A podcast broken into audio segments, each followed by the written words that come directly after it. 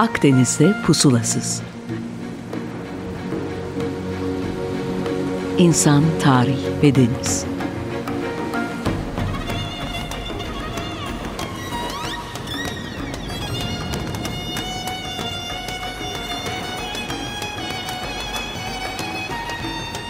Hazırlayan ve sunan Sidar Duman.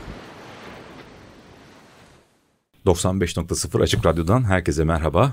Ben Sidar Duman, Akdeniz'de Pusulasız'da bu haftada bu hafta da Turgay Tuna ile beraberiz. Çünkü geçen hafta, geçen programda yaptığımız Mısır medeniyetini tabii ki bitiremedik. Ee, bu kadar geniş bir konuyu 20 dakikada sizlere süzüp anlatmamız kolay değildi. O yüzden müsaade edin kaldığımız yerden ben yine e, Turgay kardeşim sıkıştırmaya devam edeyim. Kafamdaki soruları e, sizin adınıza ona sormaya başlayayım. Şimdi sevgili Turgay Tuna benim kafamda bazı sorular var. Bu gerçekten Mısır'ın Akdeniz'in uzun süre başkenti olduğunu kalbimden hissediyorum. Geç uyandım fakat artık buna neredeyse eminim. Bildiğimiz büyük dinlerin bütün kurucularının Mısır'da çıkmış, eğitim almış olması, Musa'sı, İsa'sı devam ediyorum. Bütün e, bildiğimiz meşhur Yunan filozoflarının bir dönem ayağının Mısır'dan geçmiş olması. Bu nasıl bir medeniyet? Nasıl bu kadar çekim kuvveti olmuş İskenderiye Kütüphanesi? Yani nasıl bağlayabiliriz bunu? Muhteşem bir medeniyet. Şöyle bir medeniyet. Bir kere geçen belki programımızda bunu yansıttıydık. E, 3000 yıllık bir süreç bu. Ne Roma İmparatorluğu'nda, ne Hitit İmparatorluğu'nda, ne bileyim bunlar başka örnek yok. Ve bunların coğrafyasının çok önemli bir avantajı var. Kapalı kutu. Sağ çöl, sol çöl. Yukarıdan bir küçücük kapıyla Akdeniz açılıyor. Alttan da gene küçük bir çölün ortasından bir kapıyla Nil Vadisi aracılığıyla siyahi Afrika'ya açılıyor. O nedenle hep kapalı kutu kalmışlar. Ve bu kapalı kutuluğun içinde muhteşem bir şey yaratmışlar. Bugün hep soru işaretleri işte uzaylılar mı geldi bilmem ne oldu. Muğdan mı geldiler? Efendim işte Hermes mi geldi efendim İskenderiyelerden başladı. E, veyahut Osiris mi geldi gitti falan. Bütün bunlar hep tartışılan Hermetizme de giren e, ve çok kişinin paylaştığı şeyler. Tabii bütün bunların dışına çıkacak olsak bir muazzam bir tarih. Ve tarihin bizlere göstermiş olduğu yani yanıtlamış olduğu belgelerle yazılarla, yazıtlarla bilmem nelerler şeyle bir gerçek tarafı da var bunun. Yani bu efsane falan değil. E, belgelenmiş şeyler bunlar. İşte biz burada görüyoruz o medeniyet süreci içinde, 3000 yıllık süreç içinde öyle bir şey ki o karışmamış bir kavim var. İnsanlar var o Nil Vadisi'nde ve bu insanlar baktığımızda Mezopotamya'yı, Anadolu'yu solluyorlar.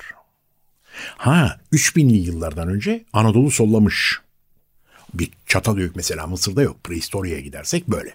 O bizde var o. Bronz çağında parlıyor. Doğru Acayip. mu Ama 3000 yılın sonlardan sonra bir başlıyor bir firavunlar dönemi piramitler. Yok efendim mimariye giriyorsun bambaşka. Tababete giriyorsun tıpa Bambaşka bir konu. Çok uzun bir konu. Şaşırırsın. Dişlerinde bridge yapıyor bu adamlar. Köprü yapıyor, bilmem ne ameliyatı yapıyor, yapıyor, yapıyor. Ve bunların sana bütün hepsini papürüslerde yazılı olarak vermiş. Ameliyatı nasıl yapacaksın, nasıl travmatolojide bilmem ne, ortopedide ne şey yapacaksın, ne kullanacaksın. Atel, matel hepsini vermiş sana. Bütün bunların dışında tabii Mısır'ın daha sonradan son demlerine doğru bir karışıklık başlıyor. O eski o medeniyetin karışıklığı. Neler oluyor?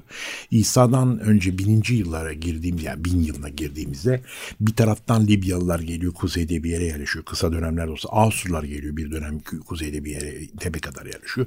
O bir taraftan bilmem kim geliyor. Nubyalı krallar bile bir yüz yıldan fazla zenci krallar gelmiş orada Mısır'ın başına geçiyor. Bütün bunlarla beraber en büyük karışıklık bir kere Yunan'la başlıyor. Abi bir lafını kesmek istiyorum burada. Bu bizim çobanların da geldiği zaman mı? Bu çobanlar deniyor ya Heksoslar mı? Yani şey Iksoslar çobanlar zamanlar dediğimiz bir de deniz aşırı 1200'lü yıllar. Şimdi bizim tabii Akdeniz'de pusulasıza ve tabii ki bizim meraklı tabii, olduğumuz tarih tabii. kısmı çok Akdeniz'den önemli. geliyorlar. Deniz halkları. Şimdi milattan önce işte velev ki 1200 olsun yuvarlak hesap yapalım. Bu halklar gelip Anakara Yunanistan, adalar, hepsini Anadolu'da değiştiriyorlar. Truva, Hitit. Hepsini değiştiriyorlar. Yani Hititler kalmıyor. Hititlerin kalmıyor. canını okuyorlar. Nereden biliyoruz? Bir tek Mısırlılar dayandığı için Ama duvar resimlerinde bravo. Mısırlar dayanıyor dayanıyor ama etkileniyorlar bir, bir kısmen de fakat Mısır işte o coğrafyasından dolayı bir de kendilerine kenetlenmiş olduklarından dolayı gelenekleriyle, görenekleriyle, diniyle her şeyle çok ayrıcalıklı hepsinden ve bu şekilde de kazanıyorlar. Yani kaptırmıyorlar kendileri. Ta ki İskender'in gelişine kadar. 330'lu yıllardan sonra İskender geldikten sonra ne oluyor? Makedonya kökenli olsa da Yunan'la Mısır karışımı kuzeyde başlıyor. Onun ardından Roma geliyor. Gene karışıklık var. Karışıyor bazı yerlerde. Onun ardından efendim Bizans dönemi başlıyor. Gene oradan gelenler var. Göçler möçler karışıyor. Ardından geliyoruz bir Bizans'tan sonra efendime söyleyeyim Abbasiler, Fatimiler 9. yüzyılda, 10. yüzyıl arası. Ondan sonra geliyor malum Emeviler geliyor. Selahaddin Eyyubi ile 1200 yıllara kadar. Sonra Memluklar başlıyor. Bizim Çerkes kökenli, Kafkas kökenli Türk boyları bilmem neler. Memluklar, Kölevenoğulları dediklerimiz. Ondan sonra 1517 Yavuz Sultan Selim geliyor. Efendim büyük bir karışıklık oluyor. Ama en büyük karışıklık Arapların geldiği zaman. Yani 7. yüzyılda Amr el Nas'la geliyor. Dağa iniyorlar ve orada Arabize olmaya başlıyor. Ardından da işte din değişiyor. Eskiden Hristiyan hepsi. Ondan önce pagan zaten. Değişiyor. Çok az Hristiyan kalıyor. Direniyorlar. Ve biz bugün bir Kıpti dediğimiz Mısırlı ile görüştüğümüz zaman Kıpti demek Arapçada Mısırlı Hristiyana verilen isim. Bizdeki gibi yani bir Roman vatandaş anlamına gelmiyor. Ee, onlarla konuştuğun zaman mesela bir rehber arkadaşın olur, şu olur, bu olur, tanıdıkların der ki sana ben der Arap değilim der. E ben de diyorum ki ya kardeşim senin ülkenin adı Mısır Arap Cumhuriyeti. Ve hatta Arapça yazıyorsun. Arapça konuşuyorsun. Evet diyor doğru diyor ama ben diyor e, karışmamış bir insanım diyor. Ben hala eskiden beri karışmamış diyor orada haklı değil. Çünkü o da karışmış bir icabında belki. Romalı ile karışmış, Yunanlı ile karışmış bilmem kimle ama gene de bugün eski Mısır'dan kalmış olan günümüzde en eski bunlar. Onların renkleri bile değişir biraz böyle hafif böyle az küçük esmerdir. Değişiktir kıvır kıvır saçları falan olur bazen. Ben gördüm karşıdan şak diye böyle kıpti olduğunu genelde çıkarım artık alışmışım. Yani bunlar da haklı olarak bunu böyle devam ettiriyor. Tabii karışıklıklardan o senin dediğin o muhteşem medeniyette sönüp gidiyor. Peki burada bir ek yapayım. Belki Tabii. sert bir saptama olacak ama bu yine 1800'lere geldiğimizde esasında Osmanlı modernleşmesini bile öncül olarak Mısır'ı e, aldığını hissediyorum ben bir şekilde. Şöyle söyleyeyim. Gidiller İstanbul'un modayı takibi Burada sanki da, Paris'ten değil de sanki bize Mısır'dan dolaylı olarak geliyor desek geliyor. çok mu iddialı? Yani çok doğru söylüyorsun. Paris'teki moda Kahire'ye geliyor, Kahire'den bize geliyor. Kavalalı diye başlıyor bu. Kavalalı da bir Balkan yani Rumeli'den gelen bir adam e, mavi gözlü, sarışına kaçan bir adam, bir Osmanlı vatandaşı. Köklerin Arnavutluğa kadar gittiği yazılır kaynaklarda Kavala'nın ama bir Osmanlı, bir Müslüman neyse. Geliyor oradan işte Napolyon Bonaparte kazık attığı zaman Osmanlı'ya. Orada seferberlik ilanında bu da gelir. Çok şey bir delikanlı, güçlü, kuvvetli. E, ne bileyim bugün be, bana Kavalalı nasıl bir kişilik geliyor biliyor musun? Hani bugün günümüzde gençler vardı ya Harley Davidson'un üzerinde falan böyle e, varlıklı bir ailenin çocuğu ama okumaz etmez haylazdır falan filandır öyle takılır. Harley ile takılır falan. Kavalalı bana öyle gelen bir insan. Okuduğum zaman gördüğüm zaman. Okuma yazma bile öğrenmemiş. Okuldan kaçmış bir adam bu. Varlıklı bir ailenin çocuğu ama ne zaman başa geçiyor sonradan? Okumaya ve eğitime o kadar büyük eğitim, önem veriyor ki belki okuyamamından, belki eksiklikten. Ve herkes onun için çok seviliyor Kavalalı. Eğitim reformu yapıyor. Fransızlardan örnekler, örnekler alıyor. Savaşmış olduğu adamdan kıyafetler değişiyor. Halka toprak dağıtıyor. Osmanlı yapmadığı şeyleri yapıyor. Acayip bir yapılar yaptırıyor. Osmanlı yapmamış bu yapıları mesela gitmiş. Ama Kavalalı yapıyor bunları. Ondan sonra da Kavalalı bu zenginlikle beraber modernize olan bir adam. Ailesi de öyle. Ve Kavalı'dan sonra biz ardılarına baktığımız zaman prensesler, prenses, prensesler Paris'ten geliyor millet. Paris'te tüccar şeyler geliyor, terziler şeye kadar, Kahire'ye kadar kumaşlarla bilmem ne bunları prezente ediyorlar. Orada şunu beğeniyor işte bilmem ne Hatice prenses, bilmem kim prenses. Böyle diktiriyor, şöyle yaptırıyor. Bir bakıyorsun yarı Parisli modası, yarı Mısri, Masri dediğimiz moda böyle. Tam böyle arabeskle şeyin karışımı, batının karışımı. Hayda bizim buradaki sarayda vay efendim bilmem ne prenses, Mısırlı prenses böyle giyiniyor. Hadi bakalım kızlar biz de böyle giymeyelim sarayda diyor. Bizimkiler başlıyor. Cevdet Paşa'nın tarihini okursan orada verir veriştirir. İşte Mısırlılardan aldılar da böyle yaptılar da bu kadar paralar harcadılar da lükse kaçtılar da aynen bu şekilde karşına çıkar. Böyle bir dönem bize de Mısır bazı askerde bile moda oluyor. İkinci Mahmut'la beraber değişen öncesinde 3. Selim'le başlıyor ama işte Yeniçerilerin lav edildikten sonra o değişen ordu, modernize edilen ordu falan ama biz orada Napolyon'un ordusundan ve keza Napolyon'un ordusundan Kavala'nın ordusuna geçmiş olan modelleri görüyoruz. Kıyafetlerde bile zuav deriz, tabir ederiz. Bakıyorsun şalvar pantolon Topkapı Sarayı'na gittiği zaman vitrinlerin içine 3 tane Süle Kanuni Sultan Süleyman koyabilirsin içine öyle şalvar pantolonlar. Bu daralıyor mesela daha şey oluyor. Ve ilk defa Abdülmecit döneminde karşına çıkıyor metal düğmeler. Ondan hiç, bütün bak Topkapı'da sırma düğmedir, zor işçiliktir. Metal düğme geliyor, metal toka geliyor. Ondan önce şey adam bağlıyor beline şeyi kuşağı. içine koyuyor hançerini ya da şeyini divitini mivitini mührünü. Öyle dolaşıyor. Burada Yani yani, bu modernleşme o kadar tabii başarılı olmuş ki demek ki ordu bile ala ala geliyor. İngilizler olmasa Öyle. bugün burası Tabii. herhalde Mısır parçası Bu arada mıydı? tabii biz bahsettiğimiz zaman İskenderiye muazzam bir olay. Ayrıca büyük bir kozmopolit kent. Dalida'dan tut da e, Claude François'dan tut da bilmem efendim e, daha şairler, doktorlar ama biz İskender'in geçmişine bakarsak e, senin de bildiğin gibi bütün oradaki bir takım okullar açılıyor. Felsefe okulu, matematik okulu İskender sonrasında. Ptolemeler döneminde yok efendim İs- İskenderiye tıp okulu açılıyor. Yunanistan'da ve bizim buradaki e, yapılamayan yasaklanmış mesela diseksiyon alıp da bir ölüyü açıp efendimcesi üzerinde araştırma yapmak ve bunu bir kurulun karşısına yapmak insanlar kar- yasak. İskenderiye yasak değil. Herkes oraya kaçıyor gidiyor. Doktorlar, moktorlar muazzam bir şey var, gelişme var. Sevgili Turgay Tuna araya geldik. Bir ara verelim. Ne müzik Tamam. dinleyelim? Vallahi burada böyle Rumlar falan filan dedik güzel bir rebetikaya Rumlara girebiliriz. bağlayalım. İkinci yarıda Tamam. kitabından bahsedelim. İskenderiye'den çıkıp buralara geleceğim. Gelelim getirelim. Teşekkür Evet ederim. lütfen bir yere gitmeyin. Güzel bir e, rebet sonrası buradayız. Hoşçakalın. Evet 95.0 Açık Radyo'dayız tekrar. Kaldığımız yerden Turgay Tuna ile devam ediyoruz. Abi nerede kaldık? İskenderiye'deydik. İskenderiye'nin kozmopolitliğinden bahsederken o günlerden bugünlere ta İsa'dan önce 330'lardan başladık. O muhteşem biraz Pire'dir, biraz Selanik'tir, biraz da İzmir'dir. İskenderiye bu tam bir Akdeniz ke- kenti. Kıyısıyla her şeyle bize çok böyle yakınlığı vardır. İzmir'e gittim İskenderiye'yi koklarsın. İskender'e gidersen Selanik'i koklarsın falan böyle bir karışım var orada. Tabii orada kozmopolitlik hala bir devam ediyor. Levantenler bir tarafta. Fransız İtalyan kökenli. Bunların içinde mesela ünlüler var. Ee, Dalida. Yarı İtalyan aile, yarı şey İskenderiye doğum. Claude François bir zamanların Fransız şey. Bu da yani İskenderiye'de doğmuş birisi. On Kavafis var. Yunanların en ünlü şair, iki, üç tane en büyük şairinden birisi. Annesi Yeniköylü. Ya oralara buralara gelirken aklıma şöyle bir şey geldi. En son kitabını inceleme fırsatı buldum. Yani muhteşem kelimesi bir övme övmeme Estağfurullah. söylemek istiyorum kendi adıma.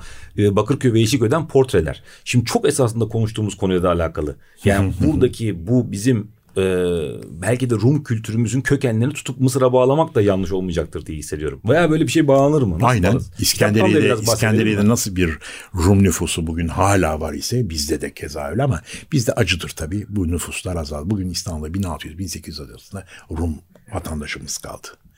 Onların gitmesiyle çok şey eksildi. Onların gitmesiyle çok renklerimizi kaybettik. Herkes bunu biliyor. Yani en azından aydınları bilir bu ülkenin. E, ne o restoranlar kaldı, ne o e, tatlar kaldı şu bu. E, bugün şimdi e, ne bileyim bambaşka tatlar başladı. Yani tamam herkesin tadı olsun da ama o bambaşka bir kültürdü. Muazzam zenginlikti. O tat bambaşka bir şeydi. Hala da kıyısından köşesinden birazcık idare ediyoruz var. Ermeni vatandaşlarımız keza öyle. Musevi vatandaşlarımız keza öyle. İstanbul'un renkleri, renklerin dışında büyük zenginlikleri. Yani böyle. Ve eskiden beri yani biz Rumlardan bahsettiğimiz zaman onların yani kökleri ta Fethi öncesinden geliyor. Ta Bizans dönemine kadar ka- dayanan aileler var. Şu var göçlerin dışında gelenlerin dışında. Neyse demek istediğim benim yazdığım kitapta ben bir Bakırköylüyüm doğma büyüme. Biraz da çocukluğumdan Yeşilköylülük var akrabalarımdan dolayı şu bu.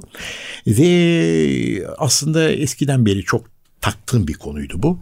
Gelmiş geçmiş bazı insanlar var bu insanlar. Her yerde olduğu gibi. Ama unutulmuş gitmiş hiç bahsedilmeyen. Ben bu aileleri buldum. Ailelerden çıkan evrak-ı müsvedde bilmem ne efendim anlatılanlar. En basit sana anlatayım. Bak Yeşilköy doğumlu bir Marie Parisi var. Çok güzel bir kız. Üç kardeş bunlar kız kardeş. Mavi gözlü, sarışın. Çıktılar mı İstanbul Caddesi'ne e, Rue d'Istanbul o zaman öyle söyleniyor yüzyılın başında. E, dolaştıkları zaman böyle geçerken beyler meyler falan gençler falan ve yan gözle falan bakıyorlar. Yani gözler ayrılamıyor o, derece. Marie Parisi bunların içinde acayip bir kız. Tenis, menis, yüzme, müzme acayip. Yıl 1800, 1920'lere gidiyorum yani öyle bir aile. Oraya e, 1924'te şeyden sonra bizim ilk sivil uçak seferleri Paris'ten İstanbul'a başlar uçmaya. Sivil havacılık. İlk onlar uçuyor. Sidna e, Hava Yolları. Kompanya Internasyonel bilmem ne aeronautiktir o. Air France'ın da dedesi yani atası bu hava yolu. Bunlar o zaman hava geldikleri zaman buraya Paris'ten buraya kadar 4 günde geliyor. Godron uçaklar 18 kişilik. Bir görsen bende var fotoğrafları o böyle uçağın içi. Sepet şeyler yani hasır iskemleler. Bir, bir şöyle kemerle birkaç kere falan bağlıyorsun sen etrafında böyle öyle. Ee, bir de rasıtı var onun yanında yardımcısı. Ee, Louis Bontet diye bir pilot askerlikten ayrılmış.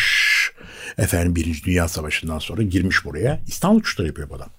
Kalkıyorlar Paris'ten. Paris, Münih, Budapest, Budapeşte, Bükreş, Bukarest, Sofya, İstanbul. Geldiği zaman da hemen gitmiyor buradan. 4-5 gün kalıyor. Ondan sonra uçak gidiyor. Bakın bakın falan burada. Bunların temsilcileri var. Geldiği zaman Yeşilköy'de kalıyor. O zaman bir Yeşilköy Ayestefanos Palas var sahilde. Orada kalıyorlar bunlar. Yeşilköy'ün sosyetesi Fransız pilot gelmiş. Onlarla tanışıyor. İşte her geldiğinde onlarla kafa çekiyor. Bilmem ne şarap içiyorlar şu bu. Paris ailesiyle de tanışıyor. Paris ile Marie Bontet'le bizim pardon Louis Bontet'le Paris Maris'i kaş göz maş göz derken birbirlerine tutulup aşık oluyorlar mı? Ondan sonra annelerinden babalarından bunlar birbirini istiyor mu? Efendim bir başlıyor orada büyük aşk. Bir düğün şeyde Yeşilköy'de bir düğün alıyor onu Paris'e götürüyor orada. Birkaç yıl geçiyor bu uçuşlarını yapıyor fakat bir gün büyük aşk dedik. Gelirken kırklar eli üzerinde uçak bir çakılıyor. Herkes ölüyor uçakta. Herkes Louis Bontet'te sizler ömür. Marie Parisi eski Yeşilköy'ün artık onlar da hayatta kalmadı. Anlattıkları gibi benim bu kitapta da yazdığım gibi. 8 yıl falan 9 yıl evden çıkmıyor. Kadın meşnunlaşıyor. Kafa şey oluyor. Hiç kimse görmüyor Marie Parisi'yi. Yok ortada. Abi lafını şurada yine balla keseyim öyle diyorlar mecburen. Ee, esasında baktığımızda genel tarih okumasında hep böyle çok büyük insanların yaptığı tarihlerden bahsedip böyle öğretildi bize. Tabii. Ve ne kadar yanlış olduğunu ben kendi adıma mesela Brodel'le tanışınca fark etmeye başlamıştım. Akdeniz Akdeniz yapanlar hiç öyle büyük komutanlar falan değildi. Demin anlattığın gibi portreler. Kayıp, kayıp insanlar. Evet ki biz de bir imparatorluk belki de çocuğu olarak eskiden bu farklılıkları ötekileştirmeden yaşayıp Ya, hayata işte katkı sunan güzellik, güzellik o. onu yaptığın zaman zaten sen en büyüksün. evet ve büyüktük. Büyük- bunu büyük. yaptığın zaman Kitapta bu. sen bunu yaptığın zaman sen bir gelişmiş ülkeler arasındaki yerini alıyorsun. Belki onları bile soluyorsun. Bu beraberliği tutabiliyor musun hayatta? İşte Fatih Sultan Mehmet sonrası bu bir dönem tutulmuş. Muhteşem. Gel demiş sen demiş patrik olacaksın. Gel demiş sen Ermeni patrikhanesini açacaksın. Gel Hahambaşı sen buraya bunu yapacaksın filan. Böyle bir büyüklük hep kalmış. Herkese benim tebamsın demiş. Herkesi ayırmadan bir araya da tutmuş. Herkese kendini sevdirmiş. Bu böyle birkaç sefer gidiyor ondan sonra bozulmaya başlıyor. Neyse bizim Marie Paris'e geliyorum. Kadın ise yedi kız. Birinci Dünya Savaşı bir patlak veriyor. Pardon ikinci Dünya Savaşı patlak veriyor. O zamanları geliyoruz. Olay öyle oluyor gelişiyor. Kadın ne hayatında Fransa'yı biliyor bilmiyor. Alıyor bavulu. Nasıl yapıyor ediyorsa geliyor Paris'e. Makizarlara karışıyor. Yeraltı teşkilatına giriyor. Hiç o şey böyle Yeşilköy'den dışarıyı bilmeyen kız. Biraz Perayi Beyoğlu İstiklal Caddesi'ni bilen bir kız. Cadde-i Kebiri. Bir karışıyor. Almanlara karşı bir savaşıyor bu toprak altı. Ve en sonunda General de Gaulle'ün elinden madalyasını alıyor. Bu madalya bugün Yeşilköy'de Privilegio ailesinin evrakı müsveddesinde. De Gaulle'ün yazısıyla her şeyiyle. Ve buralarda e, sizlere ömür gidiyor yani şey oluyor vef- e, vefat ediyor gidiyor. Yani böyle insanlar var burada. En basiti bir şey bizim Bakırköy Dantelece sokaktan 1920'li yıllarda çok varlıklı bir Rum aile. Bunların kızları çok iyi okuyor. Zapyon'u falan bitiriyor. Bitirdikten sonra da baba anne çok cesaretli insanlarla paraları da var. Gönderiyorlar Oxford'a. O zaman kız çocuğunu göndermek yani Londra'ya kolay bir şey değil. Güveniyorlar, ediyorlar her şeyi ve gönderiyorlar. Orada bir tanıdıklar falan da var. Oxford'da okuyor bu kız. Kimya okuyor. Bir, çok iyi dereceyle bitiriyor mu? Staja Londra'da başlıyor bu. Ve laboratuvar stajında kimle tanışıyor? Hocası oluyor. Fleming. Bizim Bizim Nobel, bravo, Nobel'in, Nobel ödüllü bizim penisilinin mucidi Fleming'le. Bunlar asistan masistan falan derken gene kaş göz maş göz bir geliyor Eros okunu bir sallıyor. Kalbine bir giriyor ikisi birbirine bir aşık ve bunlar evleniyorlar. Bizim Bakırköy Dantelacı sokaktan o kız Fleming'in eşi oluyor. Daha neler var. Çok güzel. Gerçekten işte kitabı o yüzden mutlaka tavsiye etmek lazım. Bu tür portreler üzerinden e, tarihi yorumlamak insana daha e, eski şeyleri tutulabilir hale getiriyor. muazzam. Bir tanesi daha var mesela. Bir tanesi daha var mesela. Elena Alkusi. Bakırköylü bu kız. Zapyon'da okuyor. Çok iyi okuyor ama bu kızın tutkusu tiyatro. Zapyon da İstanbul okulları içinde en muhteşem tiyatro salonlarından birini en üst kattadır o ve iyi bir tiyatro ekolü oluşturmuş bir okul Rum okulu olarak. Orada okuyor ediyor. Geçiyor ondan sonra burada oynuyor. Profesyonel Bakırköy Rum Kültür Kulübü'ne falan derken Paris'e gidiyor. Sorbonne'da okuyor bu kız. Çıkıyor çıktıktan sonra efendime söyleyeyim op, e, operada küçük rollere mollere bilmem ne yardımcı şeylere falan çıktım derken başlıyor tiyatrodan bir tutturmaya geliyor Atina'ya bir başlıyor Atina'da uzun yıllar bir numara oluyor Helene Alkusi. Gelmiştir 30'lu yıllarda şehir tiyatrosunda burada misafir sanatçı olarak Rumca piyeslerle çıkıyor oynuyor. Onun ilanları var bizim gazetelerde falan muazzam. Helene Alkusi aradan uzun yıllar geçiyor. Yazıp oynadığı bir oyun var. Kapalı kişi oynuyor uzun yıllar. Tek başına oynuyor. Sevgilim İstanbul oyunun ismi. Ve ondan sonra da e, 94 yaşında falan bundan bir 10-15 yıl önce vefat etti. Devlet töreniye kaldırıldı şeyde e, Atina'da ve bir e, Yunan devlet sanatçısı olarak öldü. Bu da bizim bir Bakırköylü kız. Yani bunlar var bu kitapta. Bunlar gibi unutulmuş bir takım güzel şeyler var. Gerçekten muhteşem. Yani bu e, programı canlı dinliyorsanız e, Spotify'dan tekrarına mutlaka bakmanızı tavsiye ediyorum. Bir önceki programla belki artık bir bütün oldular gibi diyebiliriz. Ee, olabilir tabii. E, tabii konudan konuya atlıyoruz. Onu fark etmişsinizdir. E, elimizden bu kadar İnşallah geliyor. gene ileride başka, Başka konulara gireriz. şekillerde bir araya geliriz. Evet sevgili Turgay Tuna çok teşekkür ediyoruz. Ben teşekkür ediyorum. Buradan bütün dinleyicilerimize güzel, sağlık, esenlik içinde günler diliyorum. Tabii yaralılarımız çok büyük. Bütün bu deprem dolayısıyla zarar görmüş insanlar, kayıpları olan insanlar ve bütün ülkemizin insanları hepsine buradan e, başsağlığı diyorum. Sabırlar diliyorum. Acılarını tez uzak o acılardan ne kadar uzaklaşabilir kadar uzaklaşabilirlerse böyle bir ağırlık hepimizin üzerinde. Ee, ne bileyim yaradan daha geç böyle şeyler versin. Böyle. İnşallah. Yani hepimize üzerine düşen en çok ne üretebileceksek bu Tabii topraklar bir için de onu yapmak. akılcı bir şekilde ne yapacaksak onu yapmak. bu Bizim büyük elimizden ders. bu geliyor ama başkalarından ne geliyorsa lütfen onlar da Doğru. Devam Yani etsinler. şart. şart. Çok teşekkürler. Ben teşekkür ediyorum. Güzel yayınlar diyorum. Sana da başarılar diliyorum. Evet Her sevgili daim. Açık Radyo e, 15 gün sonra tekrar burada buluşmak üzere. Sizleri kucaklıyoruz sevgiyle. Hoşçakalın.